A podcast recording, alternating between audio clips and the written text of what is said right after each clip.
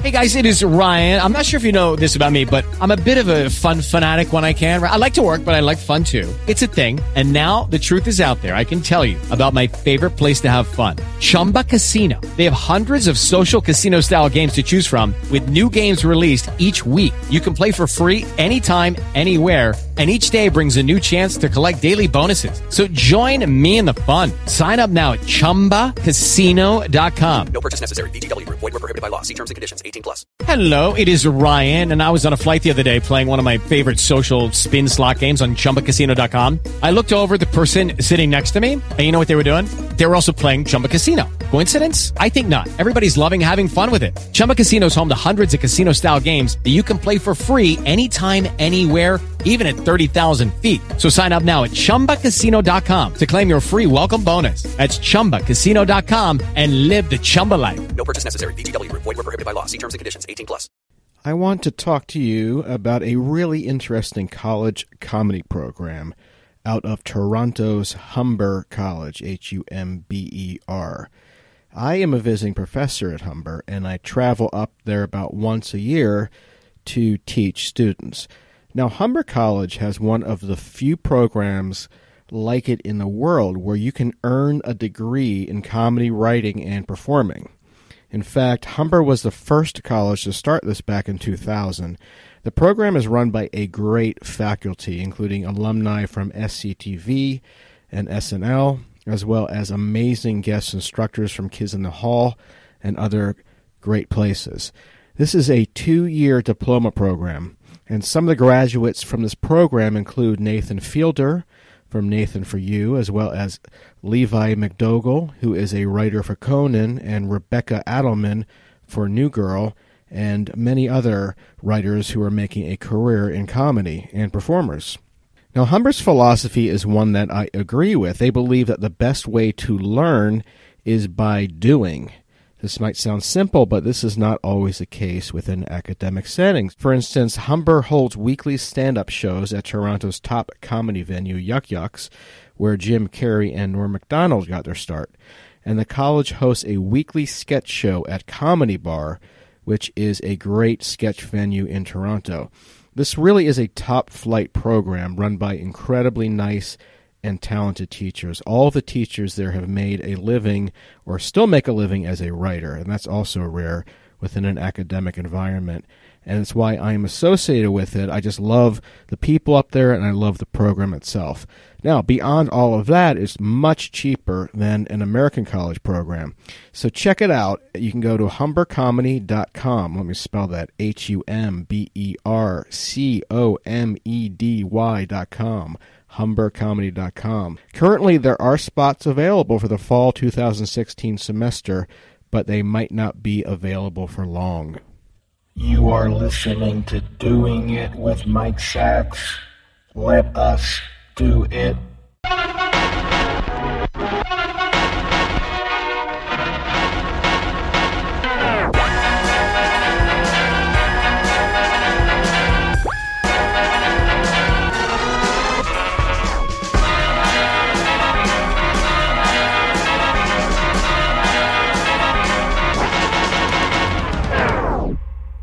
What happens here now?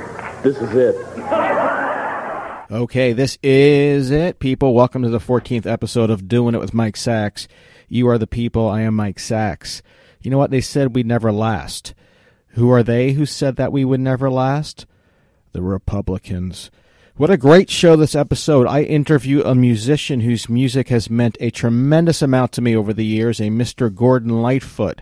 Now, people talk about the soundtrack to their lives, and this is truly the soundtrack to my early life in Maryland and Virginia. The number of hits that Gordon Lightfoot has had is amazing. Just going down the list is impressive, and this is only a select few. You have Sundown, If You Could Read My Mind, Carefree Highway, Early Morning Rain. You have Wreck of the Edmund Fitzgerald. Lord, the guitar playing, the voice, one of the few artists to write a song that Bob Dylan ever said he was jealous for not having written. That would be the song For Lovin' Me, a song later covered by Elvis and, yes, Bob Dylan. We're going to talk about that with Gordon Lightfoot a little bit later. And Gordon doesn't give many interviews, but he gave one to me, and I am very appreciative. He is currently on tour, so check your listings at gordonlightfoot.com to see if he is coming to a venue near you. You must see him.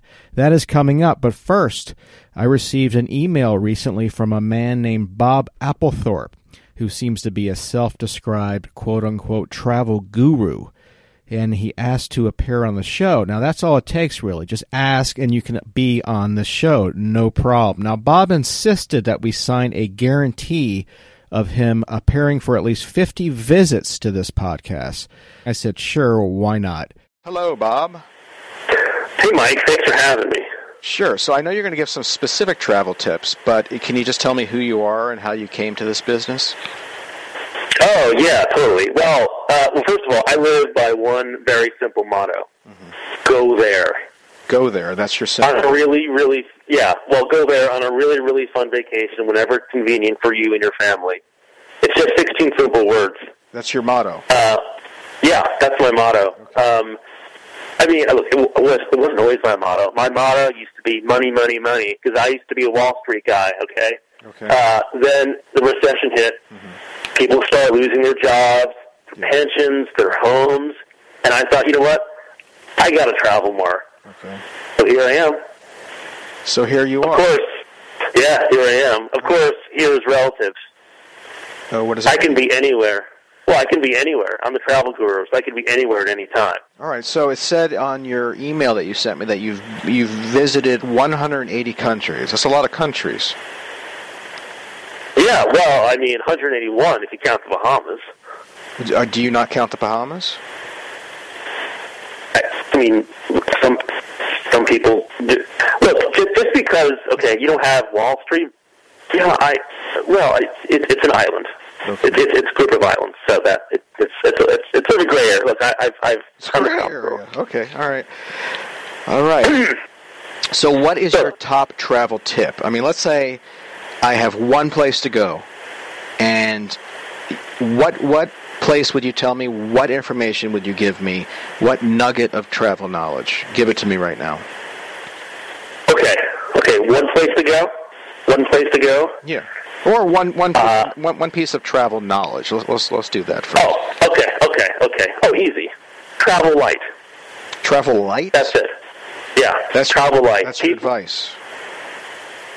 Yeah, yeah. Travel. Look, people, people, uh, they they bring everything they have with them, right? You know, they they they say, "Oh, I absolutely must have seven pairs of jeans. I must have thirty years of Hickory Farms catalog, stains in raccoon urine. I must have every shirt I own." And the truth is, you don't need that to travel. Well, who's carrying Hickory Farms catalog stained in raccoon urine? Uh, who would travel with that? People who people who don't want to let go of things. People. Okay. All right. So, Bob, what's what's what's a can't miss destination this year? Can't miss. Oh. Um. Oh, I. I didn't. Um. Oh.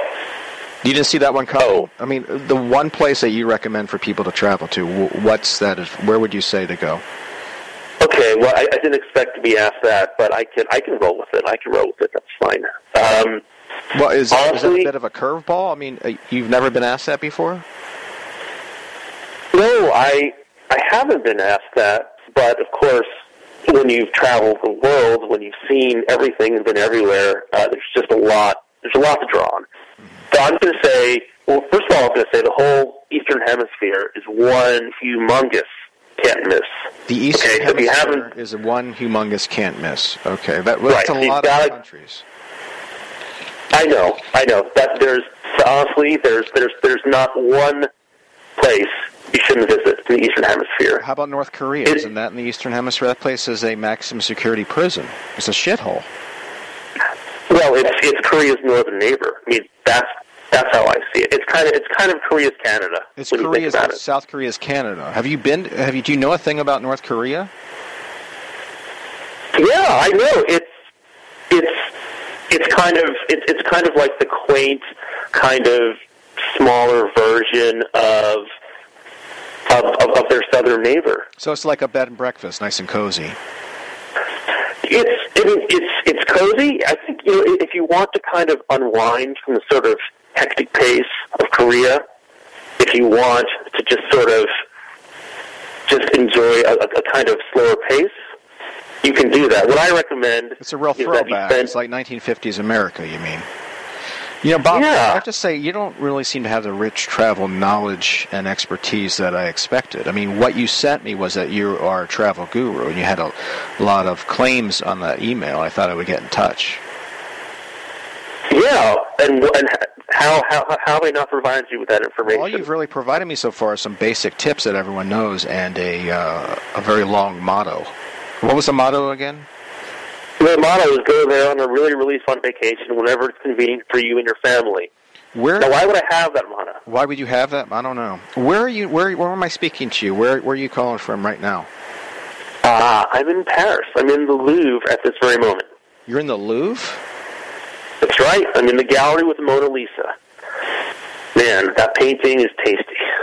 That's- The painting is tasty. Is it crowded there? I mean, how are you speaking to me so loudly from the Louvre? Oh, I'm I'm I well I, I'm I'm I'm talking to you. I it, it is crowded. Um, I don't have anyone in the background. Can you indulge me? Can you?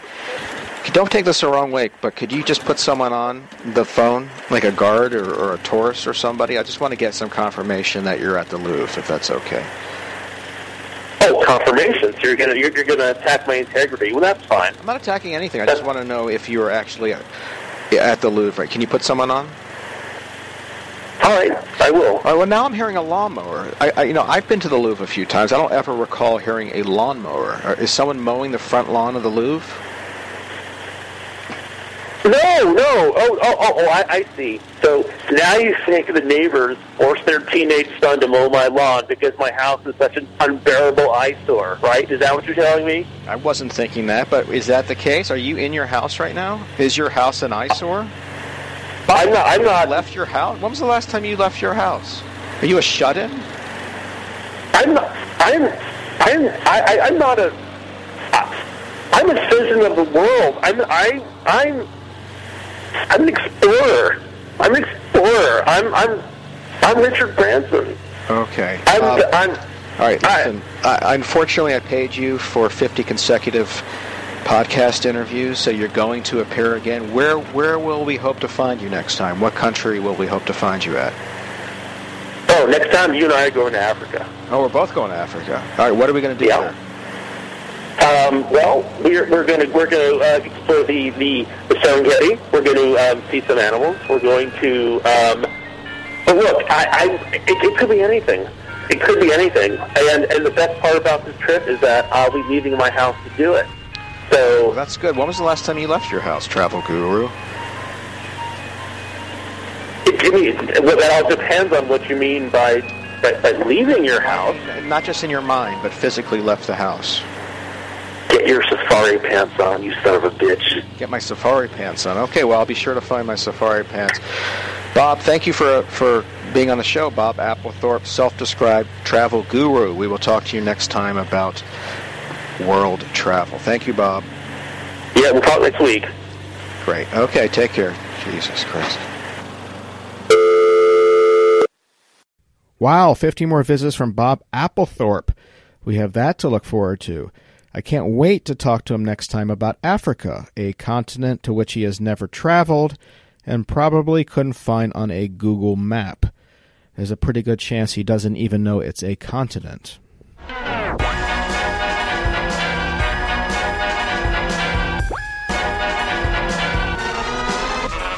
Okay, I'm very, very happy to announce that this podcast has a new sponsor called Sitrana, S I T R A N A.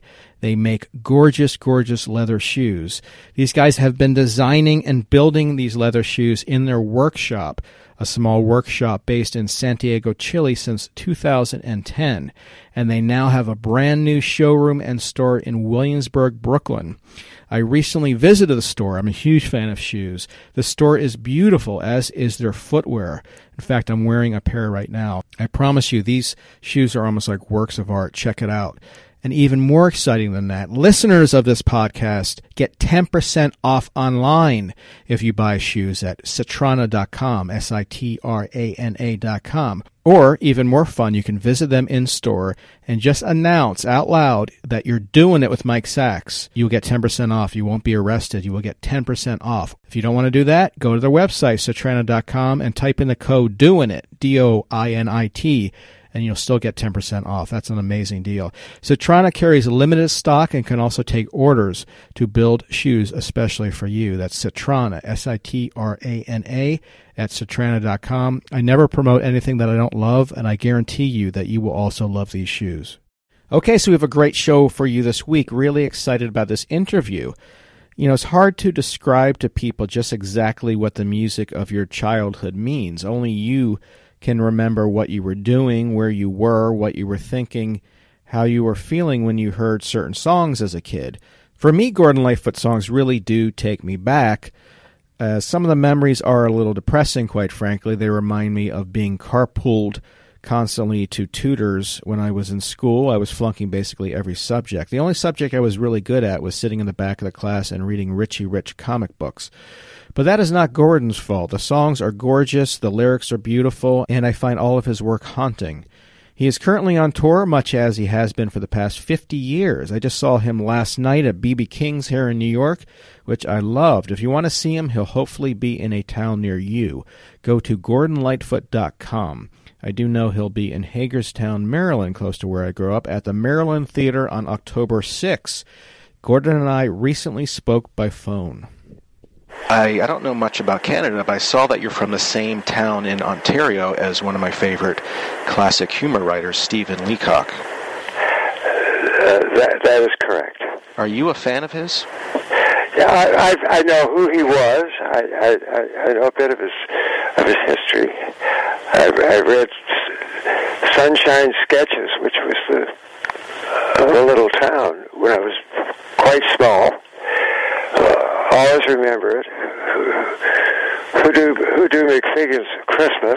You know, you, you can't forget it. He's a name that's not really well known in America, but his writing remains really fresh. And he died quite a while. Ago. He died in 1944, and yet his writing still is very modern. Uh-huh, yes. Another influence that you've had that I've read about, which interested me, is Stephen Foster. Can you talk about why his songs influenced you? And he did a lot of classics such as Camptown Races, Oh Susanna, My Old Kentucky Home. Yeah, there, there was also a, a, a wonderful album by by Don Gibson, the country artist. Sure. Did a great album of Stephen Foster tunes. Beautiful dreamer,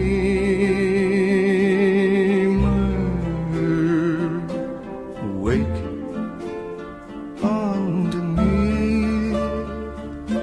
starlight and dewdrops are waiting for I get influence there from uh, singing it in grade seven in public school. We had a book, well, one of our song books, our music books, was uh, songs by Stephen Foster.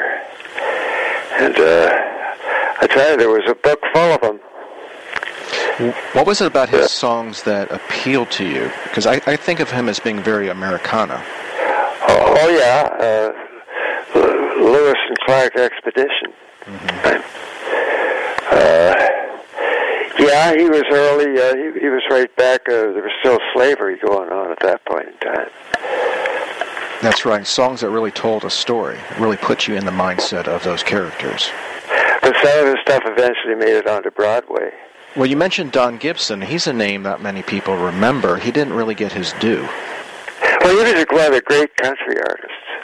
He's he's no longer with us. He's he's he's been dead for years. But he he did an album of Stephen Foster too, which is spectacular. But it just went, you know. I think it went up to maybe number one on the uh, uh, on the NL Contemporary chart at one point. I'm not sure. so anyway, I was I was influenced by it. By, uh, the, the, not the, so much the tone, the, the, by the melodies. I, I actually found my own melody but it, but it, it it was it was something I thought. But this is how s- a song that he might have written, that Stephen Foster might have written, while I was writing that song. Which song? Your Love's Return. Your Love's Return. It's one of my really nice ballads. Come to the door, my pretty one. Put on your rings and precious things. Hide all your tears as best you can. Try to recall what used to be. It's, it's a bit of a sleeper. Your Love's Return, and then under under in the brackets it says uh, "Song for Stephen Foster." Un, under that, in brackets. And it was just I, I was yes, I was influenced, but I, but never, I never took melodies, chord changes, nothing. I just said this could have been a song that Stephen Foster may have written. right. It was something from the 19th century. Yeah. I said I, uh, maybe that came from my, my Gaelic roots. I don't know, or Celtic, or whatever the heck it is. Well, you used those roots when you wrote uh, the wreck of the Edmund Fitzgerald. Wasn't that an old Irish tune? Yes, it is. It's. Uh, I was reminded of that quite in no uncertain terms too by a group of Irishmen. Just to Oh, really? What did they say? way back, we just toured Britain. But but but uh, well, I was over there in 1980 was the last time I was there. in 1980. Hadn't been there for 30, 35 years, and we just went and did a tour there. But back in those days, I was out drinking one night, and there was a riot going on because it was either because Pope Paul had been an assassination attempt on the on Pope Paul at that time, or whether it was uh, Bobby Sands, the, the hunger striker, Right. who was who got politically ensnared in this whole thing when he, he did really didn't want to, but he, he got tangled up in it anyhow. You know, it's always the way it goes, isn't it? So you were drinking in a bar and there were riots There's a going bunch of Irishmen, and they reminded me. They started humming the da da da da da da da da da. Lightfoot hums at the bar, It's a waltz. and they said that's an old Irish folk song. And I said, well, I thought, you know, I, I started thinking about it. They were quite vehement about it too, and they were quite explicit, explicit about it. Sure and, and we'd had a four or five Guinness stouts because we were where the stuff is produced Right. and there was a riot going on outside. I, I mean, honest to God, I uh, I, I could feel uh, when staying at the Gresham Hotel. They, they put me in the same suite where Elizabeth Taylor and Richard Burton had stayed the week before. Oh my God. And I'm not, I don't believe in apparitions, but I swear, I swear that while I was in there, and I don't believe in ghosts, that I could feel a presence in that room. That Was that night. Elizabeth Taylor's just still in the room? Yeah, they were like they were both still there. Yeah, in the closet. I, I was scared. I, real, I, I was actually frightened. That's the thing about oh. Europe. There's so much history going back a hundred, uh, hundreds of years that you can feel that presence over there. Yeah, yeah, yeah. Was there a ghost in? Was there stories of a ghost in that in that hotel? No, no, it, it was it, it was uh, per- perhaps paranoia as to what was going on. Uh, my, my, my, my keyboard, my, my keyboard man was playing "Oh Danny Boy" in the in the tea room at eleven o'clock at night, and everybody was crying. It was just a, an unbelievable scene there. That, that that was in Dublin. Now, was this before the song came out? You had just written. No, but yeah, the song had been out for, for quite some time, uh, a couple of years uh, at that point. So it, it gained popularity. We we we never knew why. Nobody, nobody.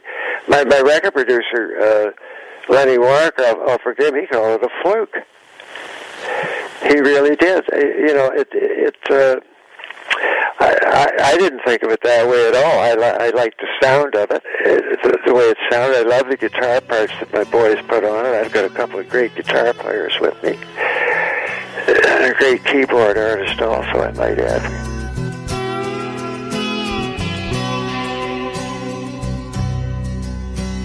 The legend lives on from the Chippewa on down at the big lake they call Gitche Gumee. The lake, it is said, never gives up her dead when the skies of November turn gloomy. Aren't all hits kind of flukes in a sense that you never quite know what's going to hit? That is true. That, I, I agree with that. Yes. Did you have a sense with, with that song and other songs in your past that this one is going to connect in a special way with the audience? Uh, yes, I did. I, I had it with the song Sundown. I knew. I, I had a feeling right from the time, the, the, almost the night that I, I wrote the song. And my and, and one of my actual ladies was was out with the girlfriends. bar, they were out bar hopping. My girlfriend was out bar hopping that night. I, I, I was left at home to write songs. I, I was on a roll. I was writing. I was trying to get ready to go on a canoe trip, and I was trying to get the writing done before the trip started. The trip was only about three weeks off. Well, when- you say a role, I mean, what does that mean? So I wrote Sundown. I said this one has potential. Uh, that, is when you're writing a whole bunch of songs all, all at the same time. You know, like How does that happen? five of them. I it, it happens. I've I've I've written songs. Uh, I used a midnight album. I, I was writing them, working on, on them all at once. I go one to the other, and then back and forth. You know, it it they, they were after a while. There's some definition started to starts to come into it, and and you, say, oh yeah, well I'll work on this one uh, this morning because there's a there's a bulldozer going out, out outside my window, so I'll uh, get up in the middle of the night, and that's what things I did. If I had a construction project going on around my house, I lived in a residential area where there was a lot of stuff like that happening. I'd, I'd get up in the middle of the night to do it if I had to. Uh, because I was uh, under contract to a, to a record company, and they were a great company, Wa- Warner Reprise, and I, I wanted to produce it, and, and and that's what I did. I've had I, had to, you know, I just kept working at it. I sacrificed a couple of marriages. I I I, I, I made sacrifices. I, The isolation of it all uh, managed to to destroy a couple of my. I've got uh, six kids though, and I love them all, and I look after them very, you know, very carefully. I can see her lying back in her satin dress in a room where you do what you don't confess. Sundown, you better take care if I find you've been creeping round my back stairs. Sundown, you better take care if I find you've been creeping round my back stairs. See, that's the irony that these songs that I remember from my youth, my first kiss, my first long distance ride, these are songs that you never heard for the first time, that you had to produce at the at the expense of other things in your life. You paid the Yeah. price. Yeah, I had to make, make sacrifices of sorts. Uh, you know, but, but, but as long as we're get, uh, you're having breakfast every day and, uh, you know, uh, getting up, I had to handle a drinking problem as well at that point, but, and which I did. I wanted to ask you about that. Um, do you think that drinking can be conducive, a positive thing for creativity? Oh, sure, I was, uh, that was my, that was my deal. Yeah. Until it doesn't become conducive, until it becomes. So it starts to put you to sleep after a while. But were some of your hits written on alcohol without the help of alcohol? Yeah, some of them were written later on that way, but it, the whole thing slowed down enormously. So it, it, it, it just took a lot more time, but I but I still kept doing it. Well, you've mentioned that the, the process, you find the process of songwriting a bit nebulous. And I was going to ask you about that, the process of songwriting. But if you can't quite understand it, if you if you find it murky and nebulous, how how can we understand it as non-songwriters? Uh, there, there, there, was a time when, when when when it used to flow almost like like water. That was when it was nebulous. But then then you, you go year after year, year after year, and uh, you you would resort to to, to uh, stimulants of some kind. I would take ben, bennies. Speed. Was there a high that you got from songwriting, and if the songwriting wasn't going well, you needed an artificial high? Know, I want to complete uh, complete my contract and get my band back on the road again where we belong because what we do best is, is what we do on tour. So, in other words, you needed to produce. Yeah, I needed to. I was under contract, but I'm not using it as an excuse. But that's one of the things you mentioned about Dylan that you most admired, which I haven't heard, is just how hard the guy works, his work ethic. You know, you know, some some people are are, are, are like superhuman beings. Like he, he is. You know, it, it, it's like it's like you're almost like. Uh, uh, they're they're almost like like like like leaders in, in a way. You know, I mean, I mean uh, he he was a lead, like a leader. This guy. But he also worked incredibly hard. And that- that's, But that, that's why he, he, he was he was very very productive. You, you hear about about people who write books and they write fifteen, twenty novels. You know, and how did they do it? it it's a you you just got to do it, and and so, a lot of times it's because you have obligations and you're, you're capable of fulfilling uh, an obligation with a record company, which I always was, and I was carrying an orchestra always, always had a band. Uh, I've, I've always, uh, we've always had great, great expense, you know, of all the way around. Uh, I've always been able to come out on top, uh, right up until this very point in time, and and. Uh, you know, I would never have dreamed that it would have gone that way when I was back starting out in this business when I was 21 years old. Uh, gave up my day job. I mean, really, honest to, goodness, it, uh, I'm, I'm actually amazed at. at uh, one of the things is I, I stay in condition. You see. physical condition. Yeah, yeah. You're a, you're a long distance rider. You know what I'm talking about. Well, exactly. You're in it for the long haul, the marathon, and you have to treat yourself in a, in a way that your body will produce. Yeah, the marathon. The marathon is on. I, I think that, boy, I tell you, there's a lot of, of good, strong contenders there to see who who wins this one. That's for sure. Yeah, a lot of competition. Well, you mentioned a, a young writer, Justin Bieber, uh, and you said you were a fan of his writing, which sort of surprised me. What is it about his work and the production of his music that that you enjoyed? Well, uh, when his very first album came across my desk here in the, you know, here in Toronto, I take it, I, I put it on my my car stereo. I don't listen to the radio very much, and I hear this album, and somebody tells me, "Jesus, this thing, this thing really sounds great." Just you know, the driving in, in in my automobile, playing it on my car stereo. Somebody has sent it to me here. You want to check this out? This is about seven or eight years ago, or ten. I don't know how long it's been around. Uh, and and it was it was really great. It was my world. It, it it was just a great album. And the next thing I do, I, turned around. I, I started looking around on the uh, the radio dial because all all I listen to is talk radio. I all of a sudden I heard one of the tunes on the on the radio. You know, I like, like it. I said this guy must really be good. So I, I, I dutifully called in and said, as I say to a lot of the artists who send me stuff in here, I say, don't stop now. Keep going. Don't stop. Don't you dare stop right now. And just tell them I'm doing it for a girl right now. I was at the uh, Mariposa Folk Festival uh, this past weekend up here in, in Orillia, that little town. But a lot of people wouldn't think that you would like Justin Bieber's work. Is is it the song quality as well as the production, the studio work? Yeah, yeah. There, there's a, there's a, a very well. It's a very well oiled machine.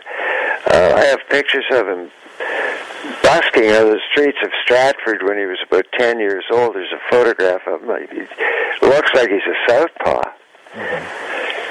And uh, I tell you, he's uh, he's been doing it all his life, just like me. I started when I was ten years old, so I can relate back to uh, and start thinking about his background, found that his mother, his father, also, uh, are, are really interested in what he's doing and paying attention, paying very close attention to the whole thing. It was like hip hop, hip hop music. Uh, I, I, heard, I like hip hop music. I do it to listen to the low ends. Well, you've spoken about the, the fact that this music, current music, is done in a digital fashion that, and that makes a difference because there's now a click track and the tempo never changes. Uh, that is a good thing. Uh, get, get, getting around to that. Uh, yes, you can do it, and, I, and I've seen it done. I, I uh, and then I did one of them myself. I, I watched uh, David Foster do one that he and I did together, "Anything for Love," which we did in in LA. Did it all with machines, uh, but he played all the keyboard, and I, I kept track of it. And I came back here and I made another one by, myself back here in Toronto because he, he, showed me how to do it, and all I had to do was get together with the, the engineer and get it done just for fun. So I, I did one just using using all machines and the rhythm track and the chords, and then hired the guitar players to come in and do the guitar part. In my life, in my time and in each line I've ever sung, and in my life. Was it my imagination or are you still the one? Now, some would argue, uh, musical fans, that the digital aspect, and they have argued this, saps the feeling, the emotion that they would receive from an analog recording. I miss analog too. The hint of nostalgia involved in it. I love the sound of the of a stylus going through the material, the way it does. Well, we used to cut those things right to the to the fine, like a fine tooth comb, back when we were doing everything in analog. But I tell you, I wonder if it does make a difference. I mean, listening to it's those, a different sound. It really is a different sound. There's no doubt about that. you know, when I was growing up, I, I found your songs, even as a kid, to have an undertone of loneliness or an undercurrent of sadness. You could read my mind, love, what a tale my thoughts could tell. Just like an old time movie about a ghost from a wishing well. In a castle dark or a fortress strong with chains upon my feet. You know that me. I, I was kind of, a sad guy too. I, it was, uh, uh, you know, I, I, I think I, I, I, was so, so very happy and grateful to be overcome that, to overcome that, uh, because of, of what I became, and I had no idea that, that this is where I, I was going to be, uh, to be at this point. Uh, uh, I, I'm very grateful. I, I, I don't have very. I'm, I'm not very uh, educational. I'm I'm I'm not even well well educated. But then I guess in a way I am. I mean, I went to music school when I was 18 to, to study notation. Because back in those days, we had to write our own lead sheets and do everything back, back then. I started writing songs in high school, so had to write the stuff out and register it with the, with the Library of Congress. You had to learn how to do that stuff, and I, I knew you had to learn how to do it. And I was just a teenager, and I, I knew that that there was going to be some paperwork involved in it. And there was, and I had contracts, and I had management contracts, and I was, I was managed at one point for seven years by, by one of the most famous managers of a whole bunch of them. It was Albert Grossman. Oh boy, yeah. And I was damn lucky, and I tell you, it was Peter, Paul, and Mary that did that put that one together for me. That's right. He handled them, That's right. and they had a hit with with one of your songs. That is correct. They did, and such a surprise that was to all of us. And also, Ian and Sylvia helped your career as well. They were first. Yeah. It was I. I, I always bring the, the mention that mention them first, uh, uh, and then I go from them. I go to Elvis. Right. because, because we got a, a beautiful recording of, of him of early morning rain. Gorgeous. In the early morning rain, with a dollar in my hand and an aching in my heart and my pockets full of sand. Ways from home and I miss my loved ones so in the early morning rain. Is that your favorite version of that song? Well, I gotta put it with Peter, Paul, and Mary. I do because theirs is really spectacular too. Peter Yarrow, I just uh, I was just uh, listening to one of his, to his daughter's album just two or three years ago. You, you mentioned Albert Grossman. He doesn't always have the best reputation among handling people, but from what I've read from you, you you've always portrayed him in a positive light. Well, you know, he, he uh, uh, they were they were rough and they were tough, and they and and uh, there, there was a couple of times when uh, when they actually had to come to my rescue on a couple of things where where I'd gotten. Uh, I had previous commitments. I, I I started moving so early here that I was actually involved in another management contract by the time I was about 22 years old and it got me in. Actually, it, uh, it led to a TV spot on a BBC summer replacement series over in Britain, and I had just gone and gotten married in Stockholm, Sweden, to a woman who I'd met here in Canada, and who had gone back, and we stopped in London, and they brought me on this show for. They did seven shows through the summer season there, and uh, it, it got me into uh, a publishing deal that I had to get out of. Uh, it, it, it gave it gave it got it gave me a management contract that I that, I- that I got out of my my wife my wife and I Brita she was a Swedish lady and, uh, we, we, we took we 14 months paying off a settlement on a management agreement here.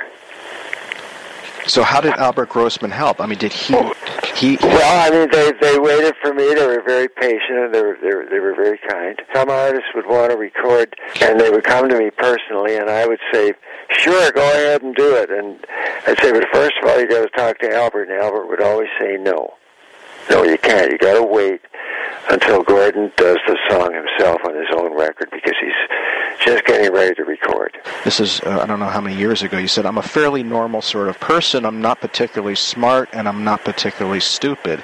Maybe it's the general normality of it with a touch of art. And that, that sort of surprised me because how can someone who has achieved as much as you not consider themselves particularly smart? I, I, just, I found that very. Uh, do you feel that you could have been, quote unquote, better educated in, in, a, in a way rather than getting your education through a career and on the streets? Well, I think it was when I got out on the streets that, that got me into the most trouble. So, you know, th- thinking I wasn't too smart, you know, I, I created uh, emotional trauma for for myself and other people, and I've, I've, I've, I'm deeply, uh, you know, appreciative of the fact that they've done that. That I have done that. I, I have not, you know. I guess living with me has not been a cakewalk either, you know. But you're living an artistic life, and this is an, this to me is an interesting life, more interesting than living in the suburbs, having a nine to five job. Know, I try to make it nine to five. I, I, I, I do. I try, I try to make it feel like nine to five when I'm, when I'm here, and then my reward comes when I can get out and play the music. One of my favorite songs of yours is a song that you've since said is misogynistic. It's "For Lovin' Me." Oh my goodness! Yeah, I know that. That that's a that's a bad one. Really, I, I always found it to be. I mean, Johnny Cash sang it, Dylan sang it. To me, it was sort of like a country song uh, about a, a, a a gunslinger, you know, walking through town and look at me. But Peter, Paul, and Mary, they did it. They, Why do you why do you discount that song now? Well, I was married at the time, and it was a damn poor song to write when you're married to somebody. I guess so. Yeah. I, I learned a lesson from that because because after I sang that song for a while, I asked myself, "What am I saying?" Hmm. Even long after I was divorced and separated, and she'd gone her way and I'd gone mine, I would sing the song and I'd think, geez, you know, how did she ever put up with this? I, I stopped singing it. That's what you get for loving me. That's what you get for loving me. Everything you had is gone, as you can see. That's what you get for loving me. I ain't the kind to hang around with any new love that I found. Since moving is my stock and trade, I'm moving on. I won't think of Well, it was in the first person, but just because it's in the first person doesn't mean that you're writing it about, about yourself, unless in this case you were writing it about yourself.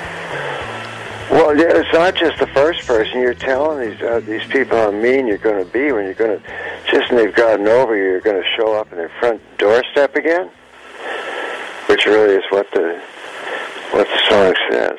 Are you you don't sing this song anymore?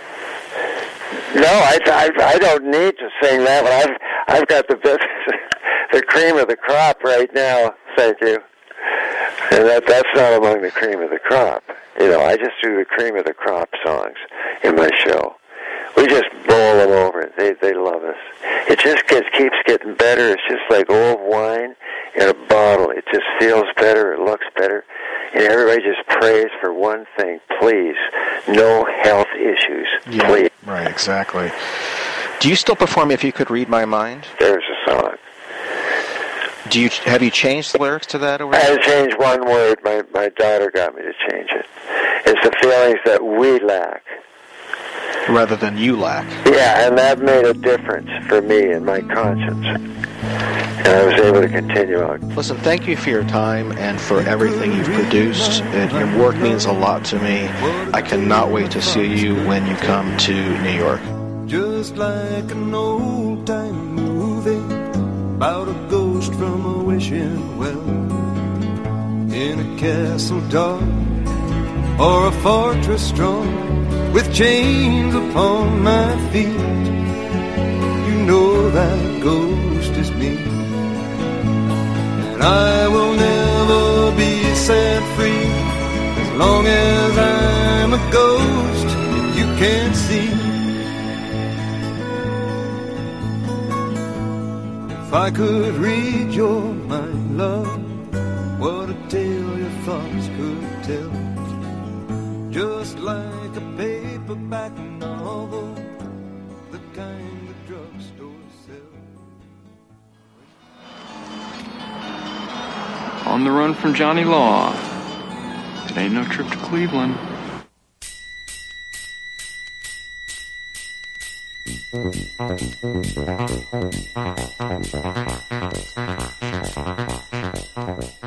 That's it for this 424th episode of Doing It with Mike Sacks. Here are some highlights from the upcoming podcast. It's a very personal episode. I'm going to talk about my impending divorce.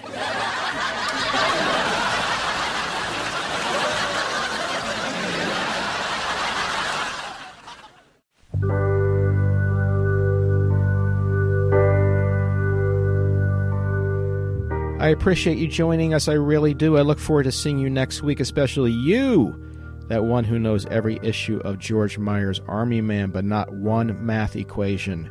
A few shout outs to the great Gordon Lightfoot for sitting down and talking with me. Go to gordonlightfoot.com for more information on where he will be soon performing. More importantly, download his music.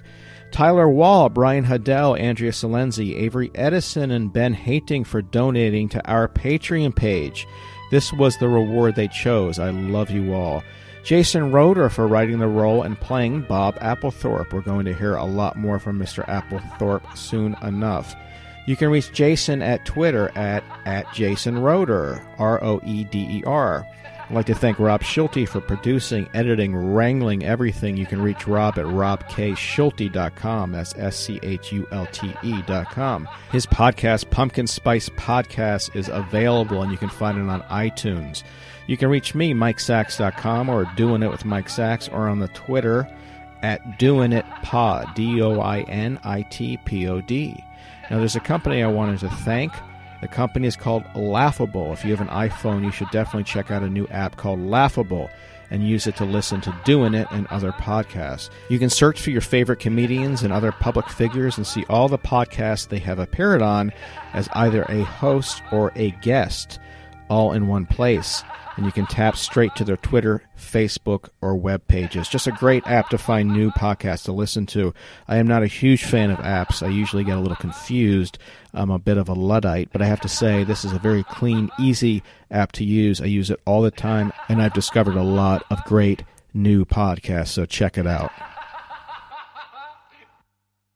God damn it, you humans. Keep your feet on the ground and keep doing it.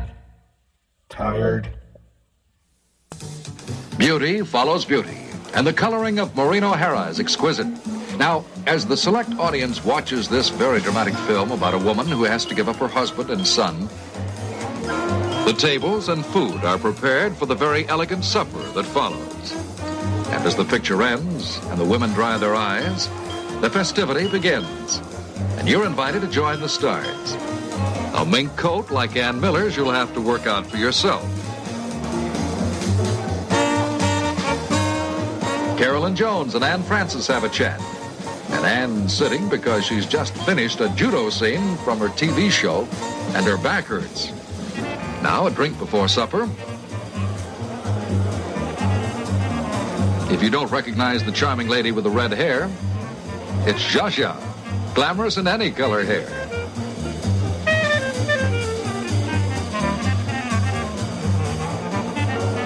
This is a family portrait of three generations of Turners. Lana, her mother, and daughter, Cheryl, who's grown into a very attractive young lady. And from the comments here tonight, must be very proud of her mother, who gave a magnificent performance in the picture. Lizabeth Scott is another of the glamorous and beautiful women in attendance tonight. This is a woman's picture, and producer Hunter was very much interested in the opinion of Hollywood's women, as well as other creative members of the industry, like director Mervyn Leroy. Getting back to women, Marie Wilson. A special evening from Madam X, and you are our guest on Hollywood Backstage.